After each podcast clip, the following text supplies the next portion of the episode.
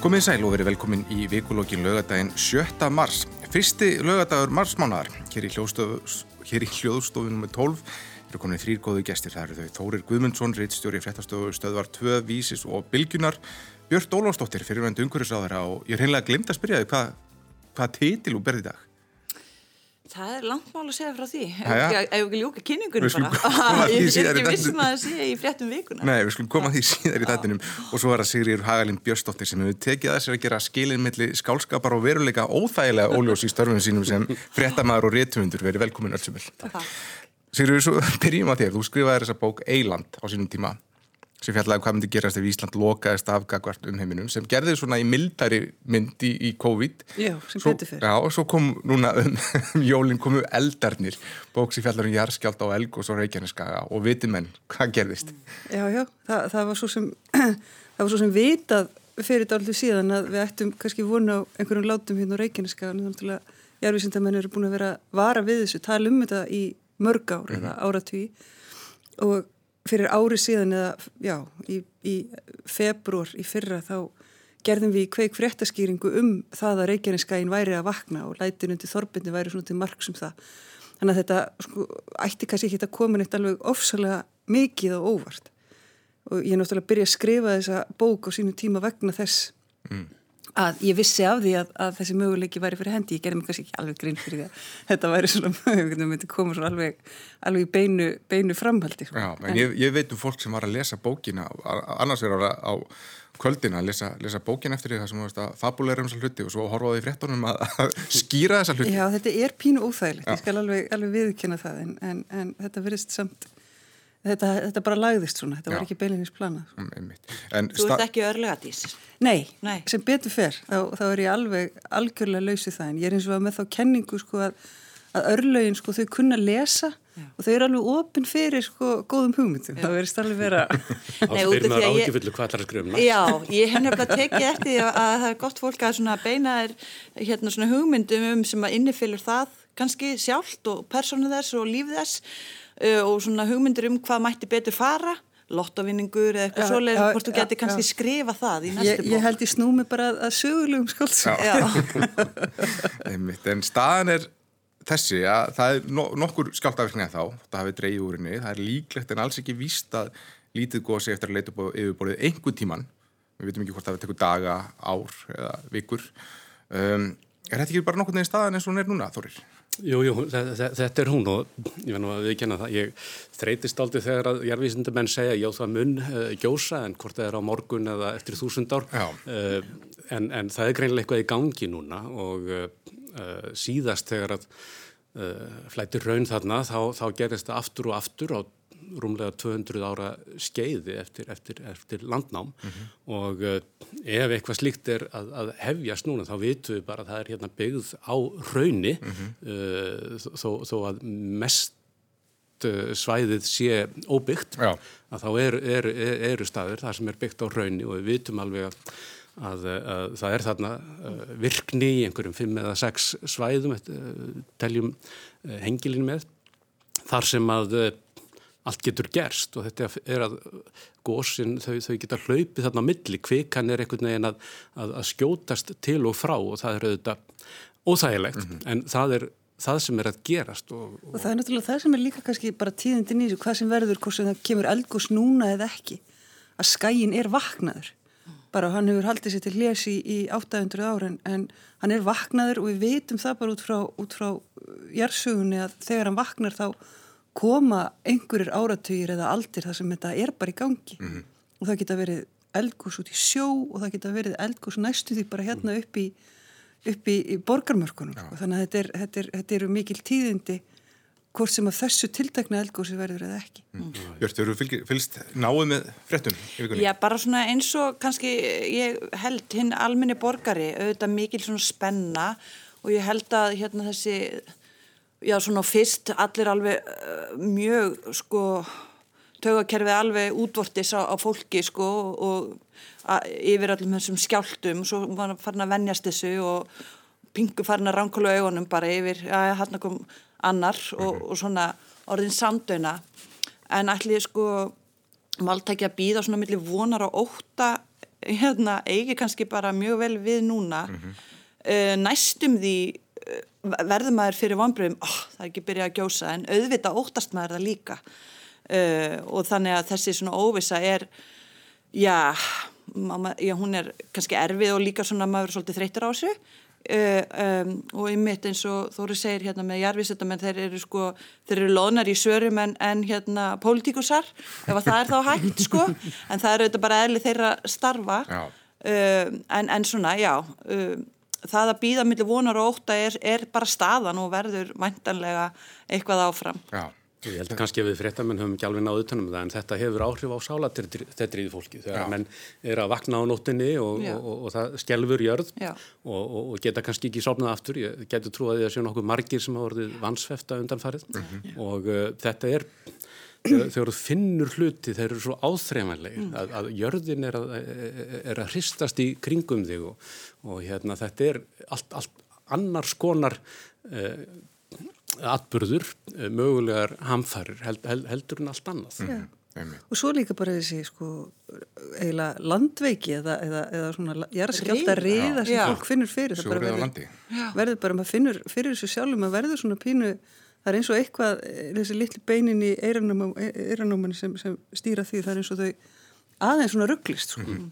Ég held að það sé mjög margi sem hafa fundið fyrir. Já, en á miðvíkundag þá var útlýtt fyrir að allt væri að fara stað uh, og allt er ræst út, þyrlur og flugi fréttamenn á vettvangi og svo gerist ekki neitt og maður sá á samfélagsmiðlum að hafa talað um æsi fréttamenn sko og þess áttar og það minnum mér á það er svo vandarsamt að fjalla um svona atbyrði sko fjölmiðlar sem er að, að mæla sín viðbröðu í mínútum er að fjalla um jarsuguleg fyrirbæri sem taka mm -hmm. já, stundum bara smá stund en stundum ár og jafnvel árað tugi og en það er eins og þið segið, auðvitað eitthvað mikið í gangi undir okkur og undir okkur og góðu fréttamaður, hann vil auðvitað ekki missa af stórviðbyrði en hann vil heldur ekki fara fram úr sér, þannig að þetta er vandarsamt hvernig maður á fjallum svona. Þetta er algjört einstíð, vegna þess að uh, auðvitað vil fólk ekki láta hræða sig, stjórnvöld vilja koma í vekk fyrir að það verði eitthvað uppnám og panik, en starfið er nú samt að segja fréttir af því sem að er að gerast og, uh, og láta fólk vita líka þannig að fólk sé undirbúið ef að eitthvað verra gerist heldur en það sem er komið á undan. Þannig að Já, þegar eins og báðar fréttastofunar bæðið svo sem er í þessu húsi og, og, og við, við söðlandsbrautina senda, senda menn í þyrlum á vettfang uh, þá er það til þess að uh, lýsa því sem er að gerast. Mm. og mér fannst til dæmi sko, mér að við erum að taka ákvörnum nokkuð tölverð útgjöld að senda þyrlu á vettfang en bara það að sjá í fréttaflutningi Kristjáns Más úr þyrlu uh, yfir, yfir, yfir þessum, uh, yfir hrauninu að það er gjá þar sem að grjót hefur fallið vegna þess að gjáin er, er að gliðna mm -hmm. uh, þá segir það svo mikið það segir okkur hvaða hræringar eru þarna í gangi og það réttlætir alveg að, að fjalla vel og náið um þetta mm. Já, já, en það er líka, þú veist, það er fréttamenn náttúrulega vettvangi maður náttúrulega getur ekki annað en hrifist með og, og, og margir fréttamenn eru, eru bara, þetta er bara hrifnæmt fólk sem, mm -hmm. sem, sem lætur hýfast með því sem það fjallar um hverju sinni en, en það er náttúrulega vandin er svolítið að gera það án þess að, að, að það kom einhver sko æsingur í gegn mm -hmm. og, og það er náttúrulega, það er einstigi sem að maður þarf einhvern veginn að að finna einhverja hérna professional miðju í sjálfum sér og, og, og tala út frá henni en ekki, ekki hérna út frá, út frá látunum í sér. Mm -hmm. Af því að þetta er nefnilega, þetta er svo það er svo auðvelt fyrir fólk sérstaklega í svona aðstæðum að verða hrætt þegar það heyrir okkur lýsa þessu þannig að, að, að já, mér, mér, og ég held að báðar fréttastofunar og allir miðlar hafi svona nokkur neðin á því að vera, vera á tánum hvað það varðar að, mm. að fara ekki alveg fram úr sér já, í æsinu. Því það hefur sannlega verið undistrykað að það sé nú ekki, það séu litla líkur á, á, á já, eða verður gósa þá er það á frekar heppiljum stað. Mm. Já, já sko, og þetta er líka bara... En það vitum við ekki. Nei. Það er nú málið. Það, mér finnst óþarfi líka að, að draga úr uh, því að það er það sem að, þú veist, menn, menn, við viljum ekki láta hræða okkur Nei. og það á ekki að hræða fólk. En það á að segja hvað er að gerast. Og þegar jarðvísindamenn segja okkur að það sé möguleik á að kvika geti skotist út til, til íminsarliða þá áður þetta að segja frá því en á þennan ábyrgahátt og af fólki sem er vant, sem er ekki að gera þetta í fyrsta sinn. Þannig að báðar fyrirtastofunar er að senda sér dreindasta fólk Já. með, í okkur tilfelli með rúmlega 30 ára reynslu af því að segja frá svona, svona hlutum. En við verum að passa okkur líka á því að taka ekki þátt í því að, að sko róa þannig að við hættum að segja mm. Ég held að sé nú eiginlega engin hætt á því þegar fólk veit af, af tiltölu af, af, af mögulega gjósandi eldfelli í bakarinu sínum að það fara eitthvað að vera eitthvað mjög afslappað yfir því. En það er náttúrulega þú veist, það sem við veitum til dæmis er það að þetta, þessar sprungur virðast ekki vera að opnast neinstæðar mm. nálagt byggð mm. og það tekur langan tíma fyrir raunnið að skrýða fram. Mm. Það fer í mestalagi fram á gungurraða á þessu svæði þannig að það er alltaf, ég meina það gæti lenda á einhverjum húsum eða vegum en, en að þetta er eiginlega heppilegastu staðsetningarna sem, sem hægt er að hugsa sér mm. upp, á, upp á það. Og til dæmis hvað var þar, þar höfuborgarsvæði þá hefur ekki gósið sko norðar en í búrfælskjá í, í, í heiðmörg þannig að það er, þannig að það er þó ég hafi skrifað hræðilega bók. Nákvæmlega þetta. Og, og þó ég hafi fengið jarfisundamenn til að lesa hana yfir hjá mig þó, þó sögðu þetta er, þetta er afskaplega ólíklegt. Ég, ég öfund ekki fjölmjöla fólk sko, þú veist, maður sér uh, og það er náttúrulega verið að rapportera segja frá og á hverju. Jú, því sem að jarfisunda fólk segir okkur. Mm -hmm. og það er ekkit einu sinni samála það hefur eðlilega mismunandi kenningar, mismunandi sérsvið. Um, maður sér að veðstofu teimi er kannski með einhvern annan fókus út af einhverjum mismunandi nálgunum en, en, en þeir sem að hafa og er að starfa fyrir háskólan og þannig að þetta er erfitt að ná utanum allt og líka að færa fram. Já, þetta er líka bara svolítið svona eins og, þetta er líka svona svolítið eins og tvær tegundur af fólki, sko, það eru jarðælisfræðingar annars vegar og svo eru eldfjallafræðingar hins vegar. Og, og, og, og jarðælisfræðingarnir og veðustofuna þar eru alltaf svona alveg ofsalega sko jarðbundnir og eru bara með sínar formúlur og lífkunum svolítið og svo erum við með hérna, eldfjallafræðingarna sem eru alveg svona svolítið eins og eins og, eins og, eins og hérna eins og aðfangadag sko, bara býð eftir því að, að þeir fá sitt Já, í hendurna. Sko. Þekkingin hefur aukist rosalega og mælingarnar og nákvæmni þeirra uh, og uh, það lítur út fyrir að, að, að sko, hlut, sko, það kemur ekki upp eldgós bara skindilega. Það mun hafa aðdragand og jáfnvel bara tölverðan mm. aðdraganda. Þannig, þannig að sko að tala við þessa fræðinga er í rauninu stórkvæslega, maður hittir það svona aður en farið í útsendingu og svona og, og, og þekkingin sem þarna er, hún er rosalega. Já og líka fernin til að miðla bara Já, og, og útskýra þetta fyrir almenning. Og það Já. er líka bara það, það er svo fallegt sko samband á milli til dæmis að því að við erum náttúrulega vönuð þessu jarðvísinda umræðin bara frá gammalli tíu allir þess að hamfara, hamfara umfjöllun og það verist að það var sko orðið tilsá kultúr að jarðvísindamenninni þeir segja allt. Mm -hmm. Þeir eru ekki að fela neitt fyrir almenningi eða fréttamennum, þeir segja allt sem þeim vita og, og það ríkir trúnaður á milli þjóðarinnar og milli vísindamannana sem er að fjallum þessum mál. Mm -hmm. Og ég held að, að, að sá kultúr og þessi trúnaður hafi til dæmis bara nýst okkur alveg rosalega í COVID-faraldrinu. Mm -hmm. Af því að, að því það er, já, af því að það er þessi, þessi, þessi bara algildi algilda regla í gangi að þau segja allt mm. þjóðum treystir. Mm. En það er líka, ég var að horfa á frétti ger að vera að rifja upp kröplueldana á, á 8. áratögnum og rætt við Íbú og Mývatni sem var að rifja upp að hann hafði yngar af því að það var ekki þetta upplýsingaflæði hann bara, menn bara höfðu ykkur bara þetta er myndi mann ignorance is a bliss eða svona allsæla fávísanir þegar maður, maður fær allar þessar upplýsingar þar eru sem að hverjar misvísandi bara eftir ólíkum mælitækjum og þess að það getur verið streytu valdandi líka Jújú, jú, en, en við skulum ekki taka því sem sjálfgefnu að það sé þetta góða upplýsingaflæði vegna þess að það er ekkert allstæðar í heiminum og það hefur ekkert alltaf verið á Íslandi Uh, ég, held að, ég held að við séum og við séum þetta í COVID líka mm. að, að, að sérfræðingar þeir, þeir eru, eru opnir stjórnvöld hafa verið bara, finnst mér mjög opinn mm -hmm. uh, daglegir upplýsingafundur á sínum tíma og, og þetta er ekkit sjálfsagt. En það er náttúrulega líka hérna þessi, þessi, þessi kultúr að stjórnmálumennir þegar eitthvað svona gerir sko sem það er COVID eða yfirvofandi eldgóðs eða hvað þá halda stjórnmálumennir okkar að sér höndum. Já. þeir eru ekkit að fara í frontin og, og, og stýra upplýsingaflæðinu heldur gefa bara vísindamönunum orðið.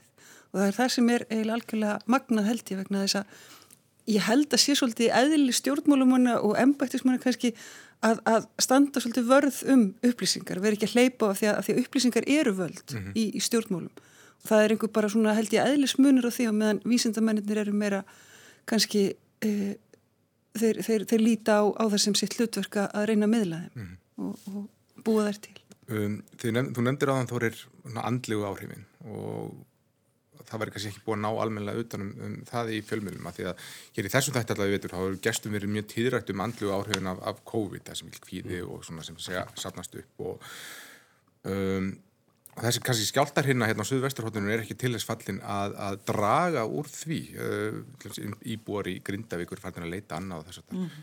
um, Björli, upplifið þú í kringu þig mikið kvíða út, út, út sko, þessu og, og ástandinu almennt eða? Sko ég bara, ef ég tala mjög nálagt mér að þá, þú veist, ég á hérna, fjögur börn á og öll í grunn, grunnskóla og leikskóla og, og hérna, auðvitað sem að upplifa þetta og er að fara út og hérna, og maður kemur og sækir og það er búið að setja svona kross í, í hérna, þess að límbandi rúð, á rúður til þess að það er þú veist, þetta er aldrei hérna, já, maður fær aðeins fyrir hjartað og, og var svona ringjandi fyrstum sinn, svo var maður aldrei samdöuna, er allt í lægi, þú mm. veist, er, hvað, með börnin og, og svo er það að spurja mann og maður kannski ekki með mikilsver út því að þetta er allt svo, svo hérna, órætt. Um, þannig að það kannski hérna, helst það sem að svona ég upplifi í, í mínu nánastu umhverfi. Uh, það er það að útskýra þessa hluti fyrir börnum og akkur verða svona henda þeim út uh, og af hverju eru hérna kennarar stálti óriðlegir og hvað er að gerast? Mm -hmm. og það er erfitt að svara þessu og, og, og segja hvenar hlutin eru búnir eða, eða hvenar hægt, hægt er að, að svona halda áfram bara leik og starfi. Þannig að það, og ég held við séum ekkert búin með það sko, það, það á eftir að halda áfram.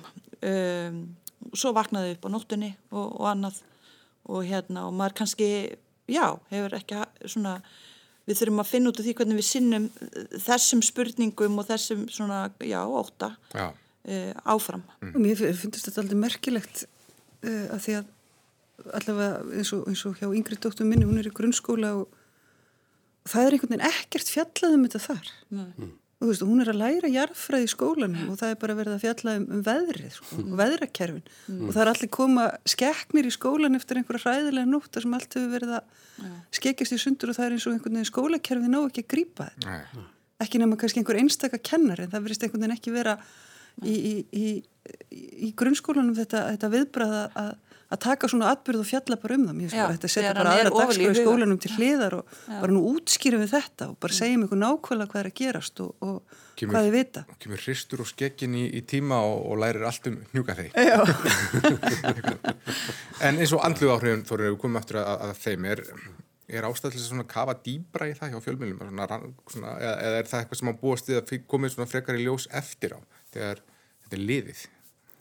Já, kannski, sko, ég hefur reyndar komið að þar sem að sko jærskjáltar hafa, hafa lagt heilu borginnar í eði, mm. uh, bæði í Armeníu, í Istanbul, í Tyrklandi, í Bam, í Íran og, og, og það var bara í mínu fyrra lífi, í fyrra starfi sko og, og það, þannig að sko þegar að, að svona stórir atbyrður verða, það, jarðskjáltar eru alveg sérstakir, sko. þeir hafa einhvern veginn sérstaka, einhver sérstök áhrif á bara mannskefnina, þannig að hérna, ég held að við ættum ekki að Uh, gleima sálræna þættinu þó að það sem við erum að tala um hér er auðvitað af einhverjum allt öðrum skala, það hefur nánast ekkert gest og það er ekkert líklegt að verði einhver stóri jarðskjálti sem hefur þannig áhrif á Íslandi, mm -hmm. það er bara alls ekki líklegt, en það er eitthvað við svona skjálta sem, að, sem, að, sem, sem að hefur áhrif á mannskeppnuna, þannig að sko þó að 99% fyrir 99% manna þá, þá er þetta ekki ekki, ekki, ekkit stort mál, þetta er svona einhver skjált í manni eh, eins, eins og stendur en það,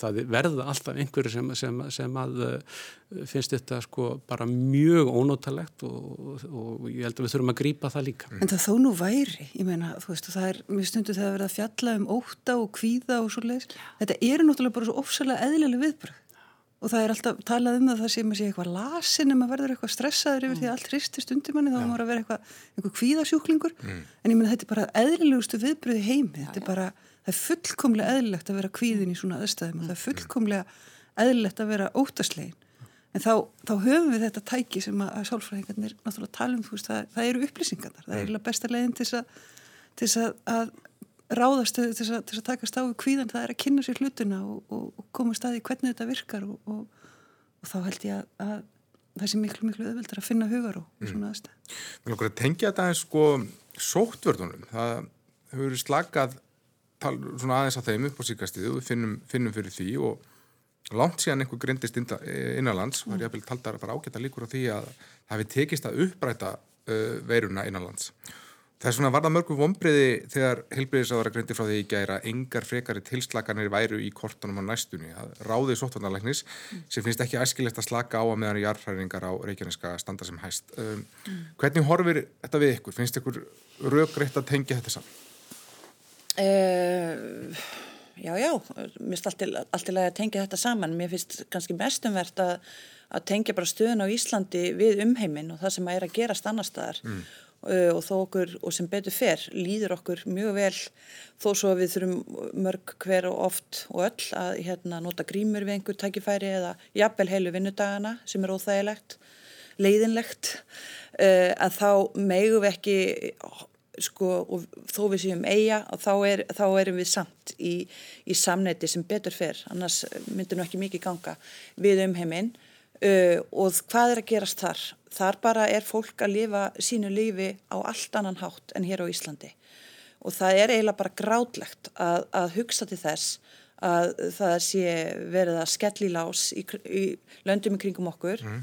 aftur og aftur út af því að, að það gengur ekki nógu vel að keira veirun alveg niður uh, og mér hefur fundist þó að sko þegar við hugsum á þessa leið, já megum ekki núna bara verða fleiri í skíðabrekkunni eða, eða hvaða er, að þá verðum við aðeins að staldra við og, og muna hvað, hvaða forrættinda við erum þó að, að lifa við og hvað þetta teimi og hérna, stjórnvöld hafa þrátt fyrir allt uh, náð fram með þessum auðvitað, samt íþingjandi leiðin fyrir okkur, að þá eru við samt í fullkominu í rauninni frelsi með við um heiminni kringum okkur og það er bara ofbásla verð mikilsverð stað að vera í. Og ef að Þórólfi segir og þetta teimi eh, að eh, það sé best að, að halda hlutunum svona áfram. Ennum sinn þanga til að þanga til að þetta bara einhvern veginn þjó, heimurum verið bólusettur og þetta þjóðin líka sko. Við, það, það er kannski það sem við ættum frekar að vera já, perrast yfir hvað það gengur hægt. En það eru þetta allt út af einhverju og allt það. Um, að þá, þá finnst mér þetta bara, þá, þá leggjum ég tröst á, á, á, á uh, Þórólf og, og, og stjórnvöld í að, í að halda þessu áfram mm. eins og hefur gengið. Við höfum náttúrulega bara svo ótrúlegt frelsi með Já. við þjóðurnar í kringum Já. okkur, bara það, ég meina, við getum farið í leikhúsið og við getum farið út að borða og barinn og, og, og ég er að fara á symfónitónleiki kvöld og ég er svo, svo einleglega þakklátt fyrir það að, að meiga það. Nei, sko þjóðunar í kringum okkur, bara danir svíjar, þú veist, það, sko, ég menna, ef að, sko, skólarnir, þeir eru bara búin að vera meir og minna lokaðir og það, ef það væri staðan hérna á Íslandi og ég bara, svo ég tala út frá sjálfur mér í mínu lífi, það væri talandu streitu og kviðavaldandi, ég bara þú veist í alvörni, það, það bara það er lífskeiði að hlutinni geta þrátt fyrir allt fengi að ganga sinn vanagang hvað þetta varðar og það er ekki það sem aðrir búa við. Eina sem er, það eina sem ég, ég, ég finn svo til með unglingurum okkar, af því að þau eru að missa af svo Já. mögnuðum árum og mögnuðum hlutum sem getur verið að gerast núna, ég það væri eitt sem væri á óskalistanum mínum þá væri það að, að unglingarnir fengi að halda ball. En, en með að setja sér kannski spór veitingamannina sem eru með lítil rými frekar og þeir horfa á leikhúsin það sem að koma 200 manns og það eru metersfjallað en þeir eru ennþá bundnir að tvekja meterreglunni á, á skilumæðinu kannski ákveðina frústarsson. Já, mér, sko, það þarf alltaf að vera þetta raukstuðja uh, aðgerað sem er gripið til eða sömu leiðist þegar það er ákveðið að draga úr þeim. Og ég hef fullkomlega skilið og, og, og, og verið sammála þegar menn hafa gripið til nokkuð drastistkra aðgerða hérna, hérna innanlands að því að þörfin var greinilega svo og til dæmis rökum að sko það þurfa að hugsa um efnahagslífið þau finnst mér bara hrinnjumlega með að hugsa um það að sko efnahagslífið það mun sko gjalda þess innmitt ef að uh, ekki er gripið til að gera en að samaskapi uh, þegar að þegar að það eru ekki smitt innanlands þá þarf líka raukstuða nokkuð vel að halda, viðhalda til dæmis tveggjametrarreglun sem er ennþá í, í gildi og þau mörg sem að, sem að eru. Þannig að það kemur óvart að heyra að, að sko það sé ekki verið að íhuga að, að draga úr þeim takmörkunum sem er í gildi, ég hefði haldið að svona réttu skilabóðin væru, já fyrstu við um ná þessum árangri þá getum við gert þetta. Mm -hmm. Ég reyndar sko sammála þess, það sem að mér hefur fundist vanta og kom þá aftur að hérna, upplýsingunni og því að hún hefur verið ofbáslega góð hjá hérna, vísindamönnum í þessum COVID-teimi og, og hérna, eins þá stjórnvöldum einhvern veginn um leið að þegar hlutir eins og það, þú veist, maður sér bara fólki fara að slaka á út af því að því finnst það ekki make a sense að vera alltaf með grímur. Mm -hmm. Þa, það er bara þannig, þú veist, mánuður án, án hérna, smits og, og hvað er þetta? Við erum bara farin að knúsast og eitthvað svona. Þá, og ef það er raunverulega þannig að við þurfum að vera ennþá með grímurnar, þá þarf að útskýra það betur. Mm. Þá, þá, þá þarf að raukstiða betur ákvarðanar mm. og því að annars fyrir þetta fjara út og fólk er ekki með lengur. Þetta hefur aðeins vantað upp á núna og mætti, mætti að maður ætti svona agnúrst út í eitthvað. En það er nú kannski líka bara aðtiklinn, núna allavega undanfatna viku hefur bara verið annars það. Já, já, það er rétt. Já, já einmitt, það náði allar máli sko þegar hérna, Þórólur kom í fréttir og sagði að það væri bagalegt að það var ekki komin dreifingar á allir eftir marsmánu sko. Það hefur verið efsta frétti hérna, fyrir tveimum vikum, þá hefur þetta verið fyrsta frétt. En þetta var bara einhvers svona neðarlega fréttasíðunum þessari, þessari viku. En kannski ágætt líka að hafa eitthvað um annað að hugsa en, en mitt COVID. Það var svona maður stóðið með aði í vikunni að hugsa, herru, það er, ég er ekkert búin að vera með COVID-19 sérstaklega mikið á, á heilanum þessa, þessa vikuna. COVID frétt í gær var svona með aftari fréttum í fréttatímanum hjá okkur. það var bara mjög, mann varst gaman að, að geta sett COVID aldrei aftarlega. Við erum með mitt hérna megin og okkar fréttastofu og þið ábyggilega líka búin að vera veltaði fyrir okkur hvað, hvaða fréttir eigum við eftir að segja eftir COVID. Já. En þá kemur sko landið okkar, það, það sér okkur alltaf fyrir einhverju til þess að fjalla. Sko, okkur leggst alltaf eitthvað til. Spyrjinn á fréttastofu, erum við sko, hefur mist hæfilegan til þess að skrifa fréttir á venjulegum degi þegar ekkert er að gera. Nákvæmlega. Það var einhvern tíman alltaf sagt í gamla daga að sumar uh, sumar er reyndi alltaf á, á getur fréttamanna þegar ekkert er í gangi og þá reyndi nú á að þú geti fundið áhuga að vikla, vikla á, á hennu, hennu svona kvestarslega lífi. Vi, við stefnum í stærstu gúrku sögunar eftir þetta. Um, þeir eru að hlusta á vikulokkin, gæsti mín eru Björn Ólársdóttir, Þóri Guðmundsson og Sigriður Hagalín Björnsdóttir. Um, þessu tengt um, Þórir þið á dögunum lokuðuð, ja, öllöldur ákveðu að hafa, sín ákveðu að hafa uh, frettatímastöðu tvö ekki lengur í opindagsgrána svo hefur verið Já. 35 ár. Og heldur bara fyrir áskrifundur. Og það hefur dreyið úr áhorfi. Mm. heldur að vera svolítið svekkjandi fyrir reyndan frettamann þegar það er svona stór frettavika og flotti frettatímar að ná ekki til fleiri Það er alltaf gaman að ná til sem flestra en raunveruleikin er sá að það voru svo mikla breytingar á umhverfinu mm. og þá þarf bara, við, við þurfum tekjur til þess að halda úti uh, fréttaðuþónustu. Það er auðvitað ennþá þannig að, að sko, það eru rúmlega 200 manns okkur mennstu degi að, að, að sko, lesa og horfa á fréttunar okkar á, á, á vísi sem er stærsti fréttamiðl 200.000 200.000 mann sem farin á vísi á hverju mennsta degi og þar byrtu við allar fréttunar sem eru leiðis í kvöldfréttatíma stöðartfu. Það sem við byrtum ekki er allur tímin. Mm -hmm. Það er það sem að, uh, að áskrifundur fá. Uh, það er bara, það eru mismunandi mótel í gangi. Þú uh, ert áskrifandi að morgumblæðinu, stundinni og hennum ímsu miðlum. Við borgum öll áskrift að, að ríkisútvarpinu og sjónvarpinu.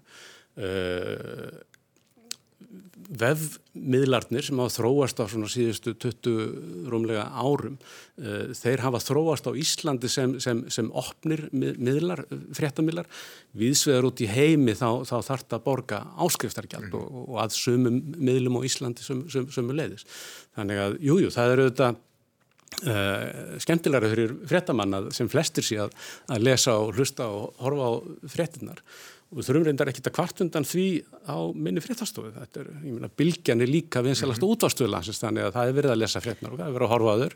Ég, ég til dæmis skil ekki af hverju fréttatíminn sko er sendur út á bylgjunni, sérstaklega klukkan 19.30 en, en, en, en ekki í sjónvarpinu, hvernig er ekki hafður opin og báðum stöðum. Þannig að þú getur, jújú, jú, þú nærið fréttatímanum á bylgjunni en þú bara serðan ekki. Þannig að þú ert að hlusta á sjónvarsvitatíma sem að, að þú færður um allar upplýsingarnar þannilega séð en, en, en þegar maður eru á annar borði í þessum sjónvarsfretta. Ekki Kristján á í þyrlunni maður. Þú nærði ekki Kristján á í þyrlunni.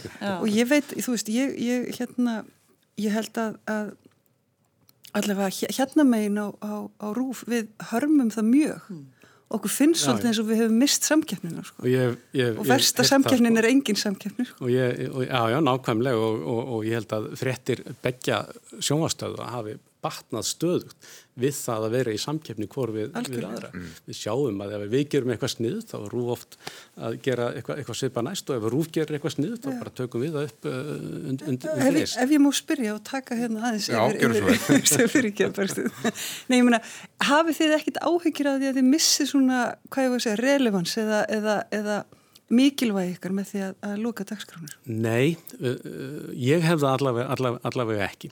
Uh, Ekkit frekar heldur en blaðmar á morgumblaðinu. Uh, Þeir eru að selja uh, sínar fréttir í áskrift. Uh, Við erum að gera það sama núna og þetta er partur af, uh, þú gerist áskrifandi ekki bara fréttunum heldur, heldur að dagskráni á stöð 2 og, og hérna þessu stöð 2 plus sem eru svona þættir sem við getur mm tekið í ólínulegri dagskrá og það er bara þannig að sko, það er 5-7 miljardar króna á ári að fara úr landi í auglýsingar á Google og YouTube.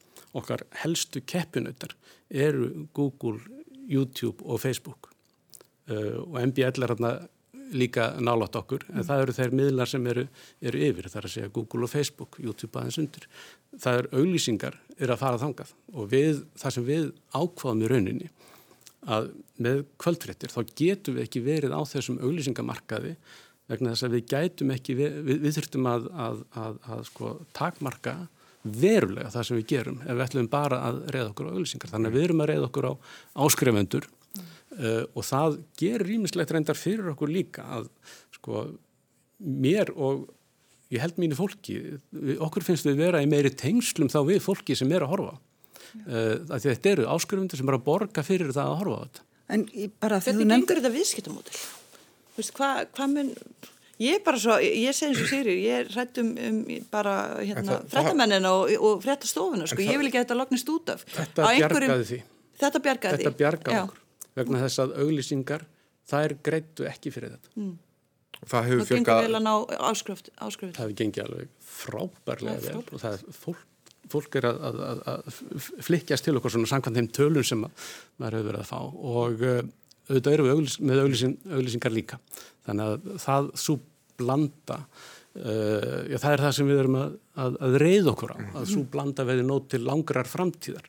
Annars sáum við fram á stöðu og hörnur og það er ekki gaman. Maður þekki líka til uh, í, í fréttamennsku að það það er ekki bara það að vera fyrstum með fréttin heldur líka að segja frétt sem aðri miðlar grípa. Og þið hafa nú alveg náð því ég myndi, uh, ég held að þið hefur fyrst með það með læknin á Suðurlandi sem var sviftur uh. Suðurnesjum. Fyrir afsakið og, og verið, já, nokkuð leiðandi til dæmis í fréttum af leiðhaldsskimunum og því um líkum Þannig Jú, þetta er náttúrulega sko það sem allar fréttastofur eh, eru að reyna að gera stöðu, það er að vera fyrstir og bestir. og, og já, sko ég, ég er bara ágætlega st- stoltur af því sem við erum að gera. Og ég veit að þú ert það líka af því sem þið erum að gera. Mm.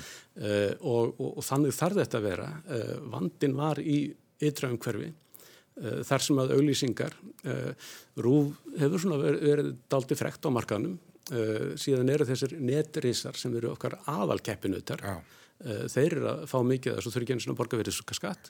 En nú, nú stendur til að breyta því, heldur það jafni leikin og muni breyta einhverju? það breytir einhverju. Ég veit ekki hversu miklu. Þeir náttúrulega netið hefur líka þann kost að geta sko, uh, verið með markkópa greiningu niður á sko, uh, það, hérna, hvað, hvað, hvað þú átt heima, uh, hvernig hárleiturinn er og ég veit ekki hvað.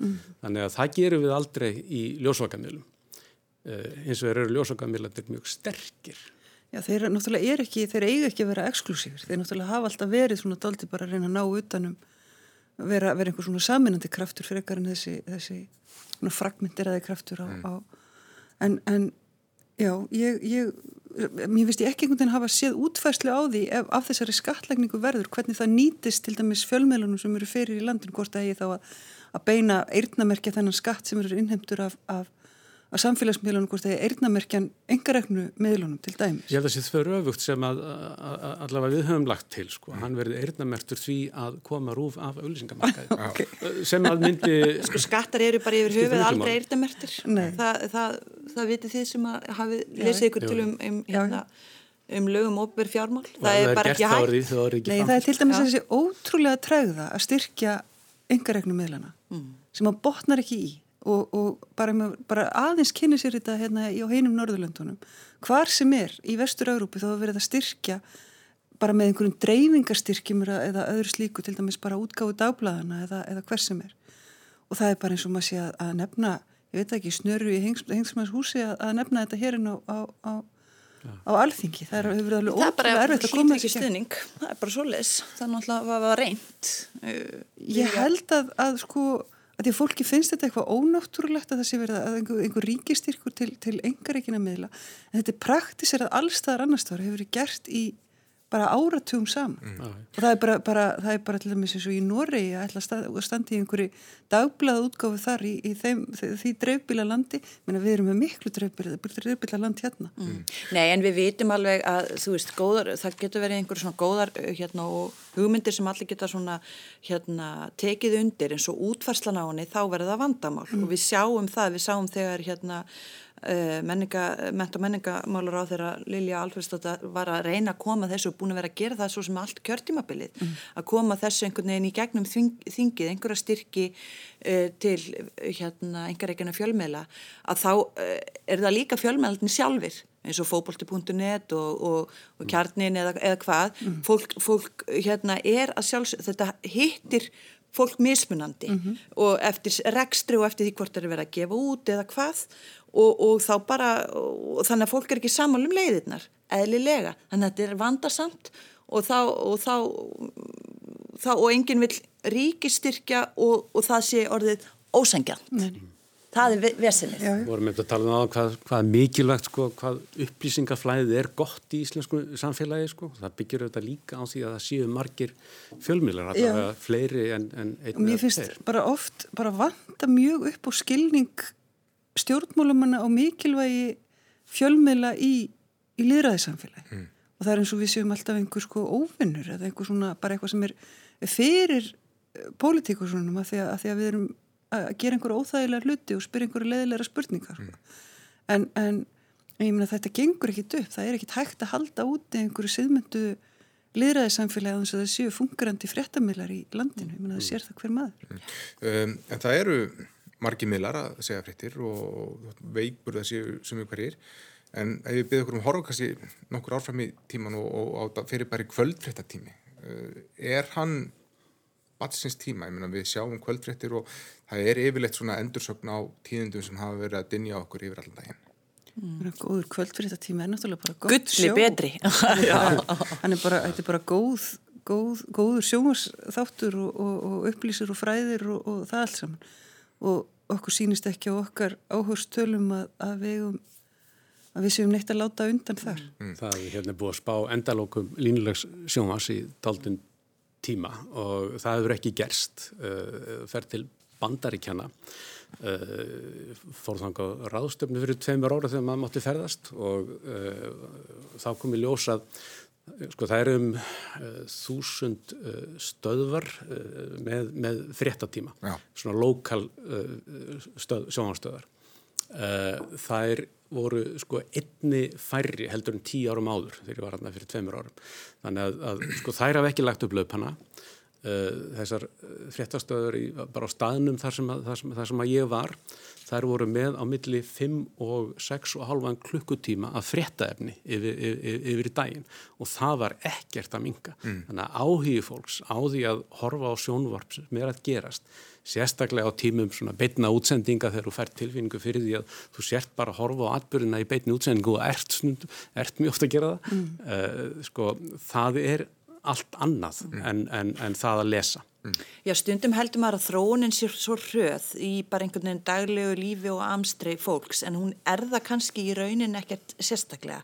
Veist, við, jú, tæknin breytist og við svona nýtum okkur hana öðru svo allt það en þú kem, langflestir hérna borða kvöldmatt svona um sjölitið, koma heim eftir daginn, þú veist, bara langflestir eru í hérna dagvinnu 8 til, 8 til 4 eða 9 til 5 eða hvað það er og þetta er bara svona partur af rútinunni mm. að hérna, jú það hefur eitthvað verið að, að svona bombarderast á okkur, maður les miðlana uh, en svo sapnast upplýsingar saman og maður, maður hérna, mætir bóða águsunni hérna vinnumanns uh, með, með þykka bindi sitt og, og, og, og tröstið uh, og bara það er, það er partur af deginum Ja. að, að einhvern veginn að ná þess öllu og borða kvöldmátt og fara svo að sofa sko. Því- þetta breytist ekkert eitthvað rosalega hratt sko. Vi, ég held ekki Nei, en því ég spurði í byrjun þáttu hvað það verður að gera í dag þá tengist þarna þessu, nú eitthvað að, að fara að ganga til þess við hvað MBL.is eða? Já, það er nú bara eitthvað svona hérna, auka starf sko, sem að ég ég kann ítla að segja nei við nokkur hlut en það minnst að reynda mjög spennandi alltaf að vera, ég fekk aðeins að, að kynnast hjá MBL um, eða K100 reyn- reyndar frekar útvarpinu sem að morgunblæðir ekkur uh, svona þátt að þáttarstjórn var með útastþátt á móti Páli Magnússoni þingmanni. Uh, og þetta var hvað var fyrir ári síðan svo- eitthvað svo leys og við kerum þetta í ár. Og þegar maður kemur úr, úr þó maður ætla að hætta, hætta í pólitík sko þá auðvitað er þjóðmála umræða mjög áhugaverð fyrir manneski sem hefur lifað ræst, ræst í henni lengi og hún, hún hverfur svo sem ekkert úr svona vitundum hans.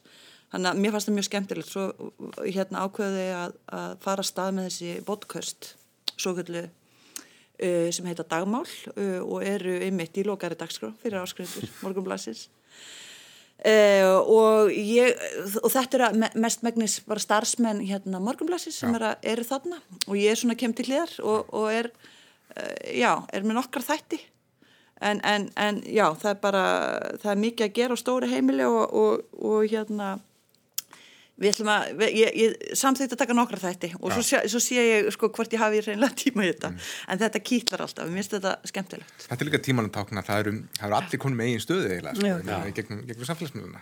Nákvæmlega. En þeir kannski kepp ekki við auðvitað velmannaðri stjórn með, með, Ég, ég myndir að segja, ég lýsa eiginlega bara mestum áhugjum af, af dagblöðunum. sko. já, Það, það er, þeim, þeim hefur farið aftur alveg óbúðslega mikið á einum áratug hérna. Uh, og, og ég og eiginlega bara hvar sem litið er sko, hvort sem það er í fréttum eða, eða menningarefni eða, eða öðru. Og uh, já, ég held að, að það er svona það sem allavega ég hef mestu áhugjunar af í, í íslensku fjölmjölalandslægi núna, það er þetta. Og svo náttúrulega stöð 2, fréttastofu stöð 2 ég er bara aftur í beina dagskrá Eða er í- opna dagskrá. og, nú er lásins búið að sjá til þess að hún geti verið áfram. Þó- Þórir er allavega, Þórir er að minnst okkur til keikur. En, ég, sko, þetta með dagblöðin, uh, sko, það sem þau hafa umfram uh, vefin verður einhvern veginn minn og minna. Ég er farin að eiga mjög öðvöld með að, ég les morgunblad, ég er afskurðandi á morgunbladin, en ég les hann á iPad. uh, ég fæ helgarblaðið bara til þess að svona geta gert crosskótuna, hún er erfiðari á, á iPad. Uh, þannig að sko það hvaða form þetta kemur út í mér stað ekki vera stóra málið.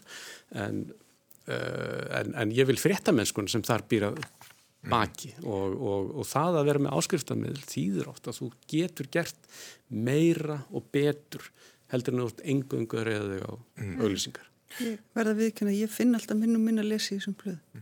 Ég er áskrifandi í New York Times og, og, og, og, og alls konar blaða í útlöndum og ég les þau frekar heldur en íslensku dagblöð. Við okkur að fara aðeins yfir í pólitíkina og þó í ráðunitið sem ræður yfir, öllum, yfir þessum málurlokki. Hérastómur Reykjavíkur hafnaði gær kröfu Lilju Alfersdóttur, menta og menningamálaráður um að ógilda úrskurð kæru nefndar jafnbreyttismála um að hún hafi brotið jafnbreyttislög við ráðningu ráðunitistjóra í mentamálaráðundið. Þannig að úrskurðurinn stendur, ráðunitið ætlar að áfrýja og við sjáum hvað setur en þetta er vantilega skellur fyrir Lilju.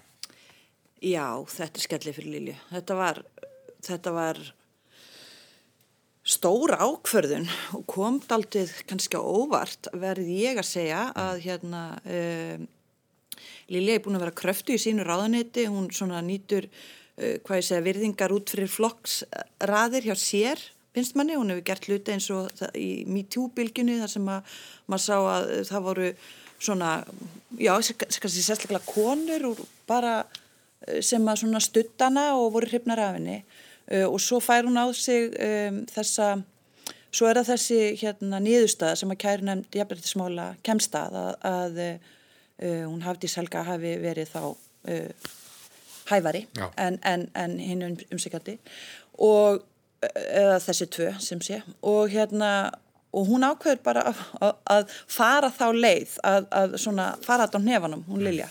Uh, hún er ekki sammála og, og, og ákveður að fara í dómsmál sem að ægslast hannig og ég kann eiginlega ekki að og það er, það er vantilega þá eina leiðin en hún er ekki nú góð sko. Já, ein, ein, eina leiðin sem hún hefur til þess að fá uh, úrskurði kærnundun hægt er að draga fyrir dóm ekki nefndina heldur Nei, einstaklingin sem var úrskurðað já, þannig að Íslenska ríkið er einhvern veginn að, að, að, að færa hana fyrir dóm mm.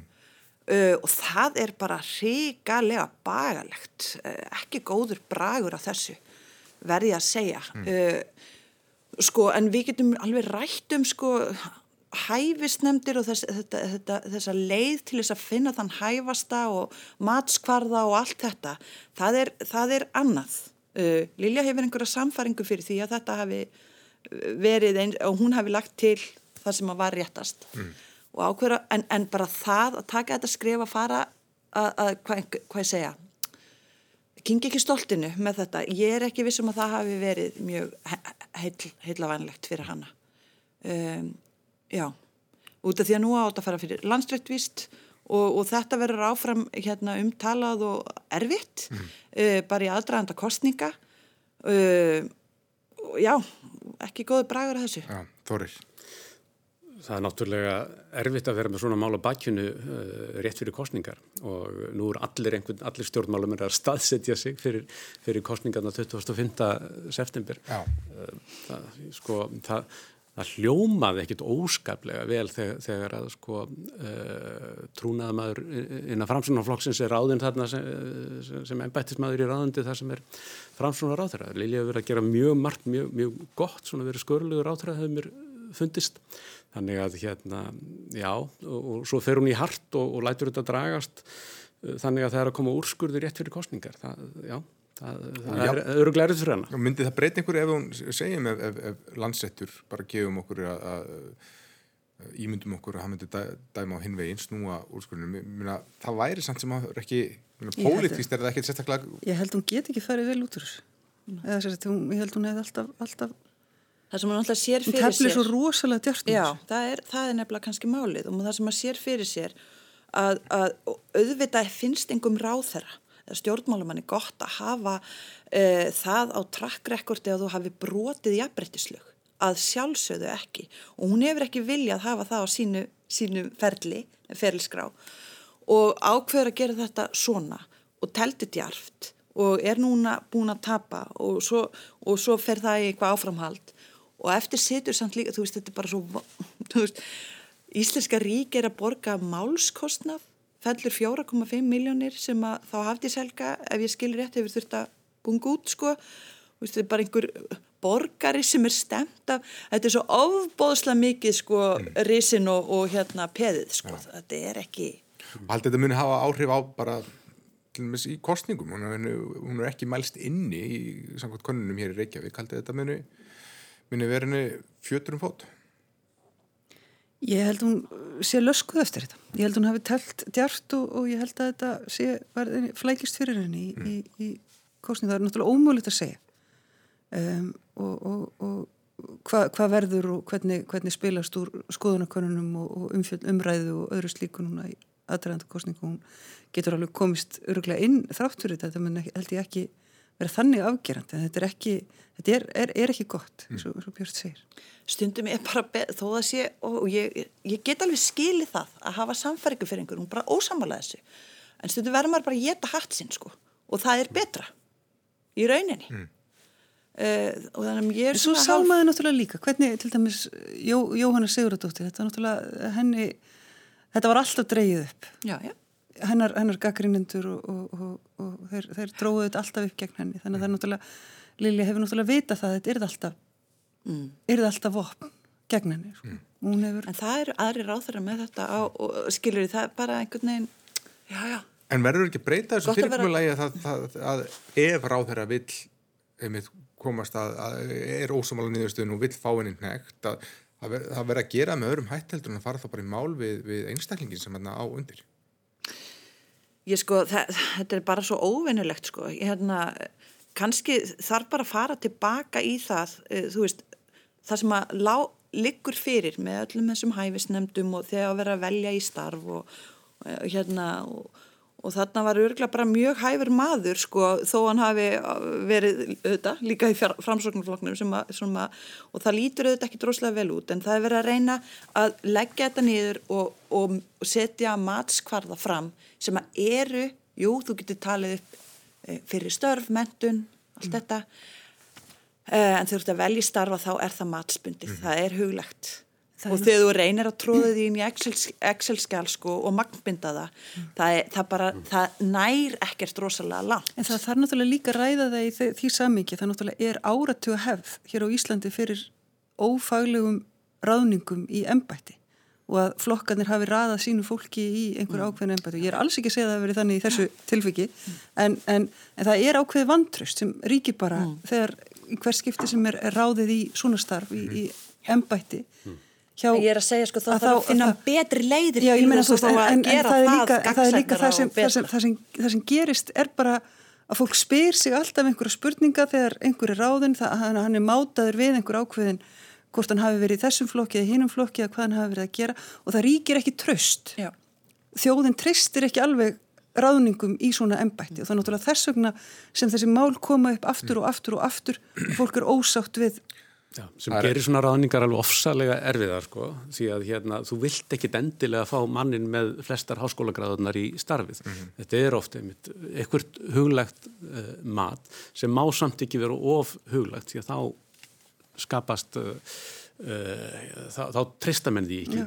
Ríkir alltaf ekki sami trúnaður og með til jarfiðsendamannina Nei, þetta er mjög segt En annar ráðherra sem eru oft í vöggaverjast það er Áslögu Arna Sigurbjörnsdóttir dómsmálaráðherra fyrir að hafa ringt í lauruglustjórun á höfuburgarsvæðinu á aðfangadag og, og spyrja hann út í verklagsreglur við upplýsingargjöfi kjölfarið á uppákomunni ásmundarsal sem Bjarni Benediktsson var í glæðskap kvöldið áður. Stjórnaranstæðan, hún hefur kallað þetta domgrindalessi, þarna verið áþæran hugsalega verið að beita þrýstingi, stjórnskipunar og eftirlitsnefnd hefur verið að fjallum málið. Og í vikunni þá kom Halla Bergþóra Björnstóttir lögurstjóri fyrir nefndina og hún segist ekki hafa upplifað símtalið sem afskipta eh, sem afskiptið af málunu og er þessu bara þar með loki, var þetta eins og þess út af engu?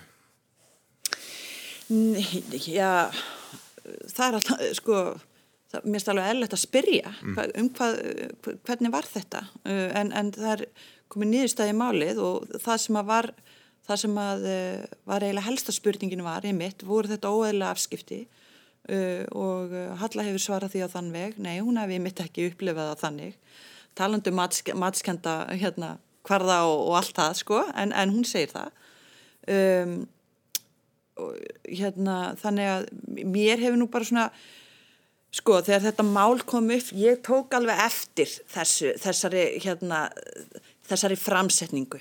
Hæstvirtur ráþera var þarna ein, hérna, inn í... Háttvirtur ráþera. Já, fyrir ekki, háttvirtur ráþera, já. Uh, átt að standa sko hæstvirtur út af því að þannig er, er hérna ávarpað. En, en sko það er nefnilega málið hver ávarpa ráð þeirra sem háttvirtan. Það er bara þingmenn sem eiga að gera það sérstaklega í pont og alþingi og er nú oft gert uh, með svona hálgerðum, hálgerðin neysi í, í, í röttinni sko og þóta. Þannig að þetta er ekkert mjög sko háttvirt að kalla einhvern háttvirtan mm. og það að þetta hafi staðið svona, ég tók eftir því. Mér fannst vera hérna... Það var gildislæðið. Já, þetta var gildislæðið, mm -hmm. það var það. Og ég, ég bara hugsaði til þess sko þetta er náttúrulega bara, þú veist, þannig eru ofinbæri starfsmenn að hérna að, að bara sinna sínu skildum og, og þjónustu og rapportera þarna um það sem er að gerast ég man eftir því þegar ég var ná, á hérna, landsbytalunum með, með námi og svo áfram við, og maður var að skrifa rapport um, um hérna, bara sjúklinga til þess að næsta vakt tæki við. Bara mjög stramt hvernig það væri gert. Það má ekki vera gildislegan orð þar. Bara alls ekki, mm. þú veist það bara hérna uh, og, og bara miklir verkvallar um það hvernig maður talaði um næstu mannesku, auðvitað eru ráð þeirra ekki eins og hver annar sjúklingur á einhverju deilt sko.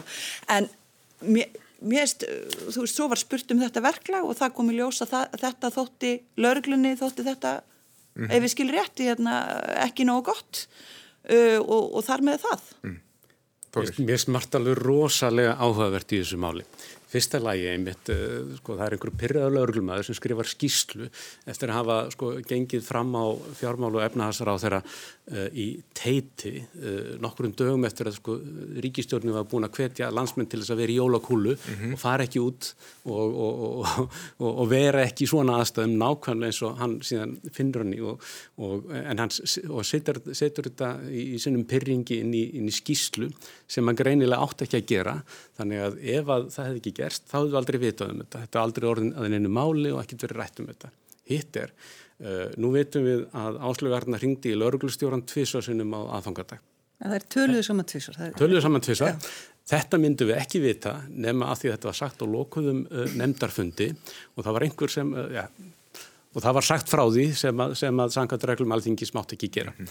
Uh, í, í báðum tilvíkum þá erum við að tala um að eitthvað er sagt mm. eða skrifað mm. sem átt ekki að segja eða skrifa eða átt ekki að berast út. Uh, og þetta finnst mér segja einmislegt um já. opnununa í okkar samfélagi nefndafundur, akkur er þeir lokaðir nema þessu sérstaklega opnaður, mm. akkur er ekki opnun nema þessu sérstaklega lokað mm. að því að tala um viðkvæm málefni já það er margt sem er hægt að gera betur varðandi upplýsingagjöf, svona almenna upplýsingagjöf mm. uh, hins ofnbæra. Já, mm. já, það er ágætisregla bara if you don't want it printed, don't let it happen. Svona já, já, Einmitt, um, Þetta verður bara loka orðin, ég ætla bara já, áðurinn í spyr, hvað ætla að gera um helgina? Björn, ég veit að þú ætlar bara að hlaupa núna. Ég, ég, ég, Já, gáðan að skulle segja frá því. ég er til að tala um það. Já, þú, þú senkaðir hlaupum klukkum fyrir mig. Já, ég er að fara, ég held ég Gafin segja þar frá því líka, ég er í stjórn skóratafélagsins með, með fram öðrum starfum Já. og þarna, mér finnst heiðmörkin sko, minnstu við með mun að það, þarna er félag Já. sem eru sko félagsamtök bara frjáls aðild og, og hérna sem er að halda uppi einu stærsta útvistasvæði borgarinnar, mm -hmm. auðvitað með stuðningi líka, sveitafélagina og minnst að hérna, það sé gert mjög vel fyrir, fyrir lítinn pening. Þú getur huggað við það að ef það gís þá, þá verður ekki hraðar en á gungurhraða en þú getur hlaupa oh, Já, ég mun hlaupa. Ég, ég ætla að horfa á liðið mitt í enska fókbaltánum rétt og eftir og svo ætla ég á morgun að fara að hlusta á Jóhannesar Passi í Langholskir. Já, vel gert. Sigrir Ég er að fara á Viking Heiðar í kvöld og svo morgun ætla ég á skriðuklöstur og vera þar næstu vikunar. Ekki skrif eitthvað svona ræðilegt þar. Við megum ekki við því. Kæra þakk fyrir komuna Sigriður Hagalín Björnsdóttir, Björn Ólarsdóttir og Þórir Guðmundsson og góða helgi.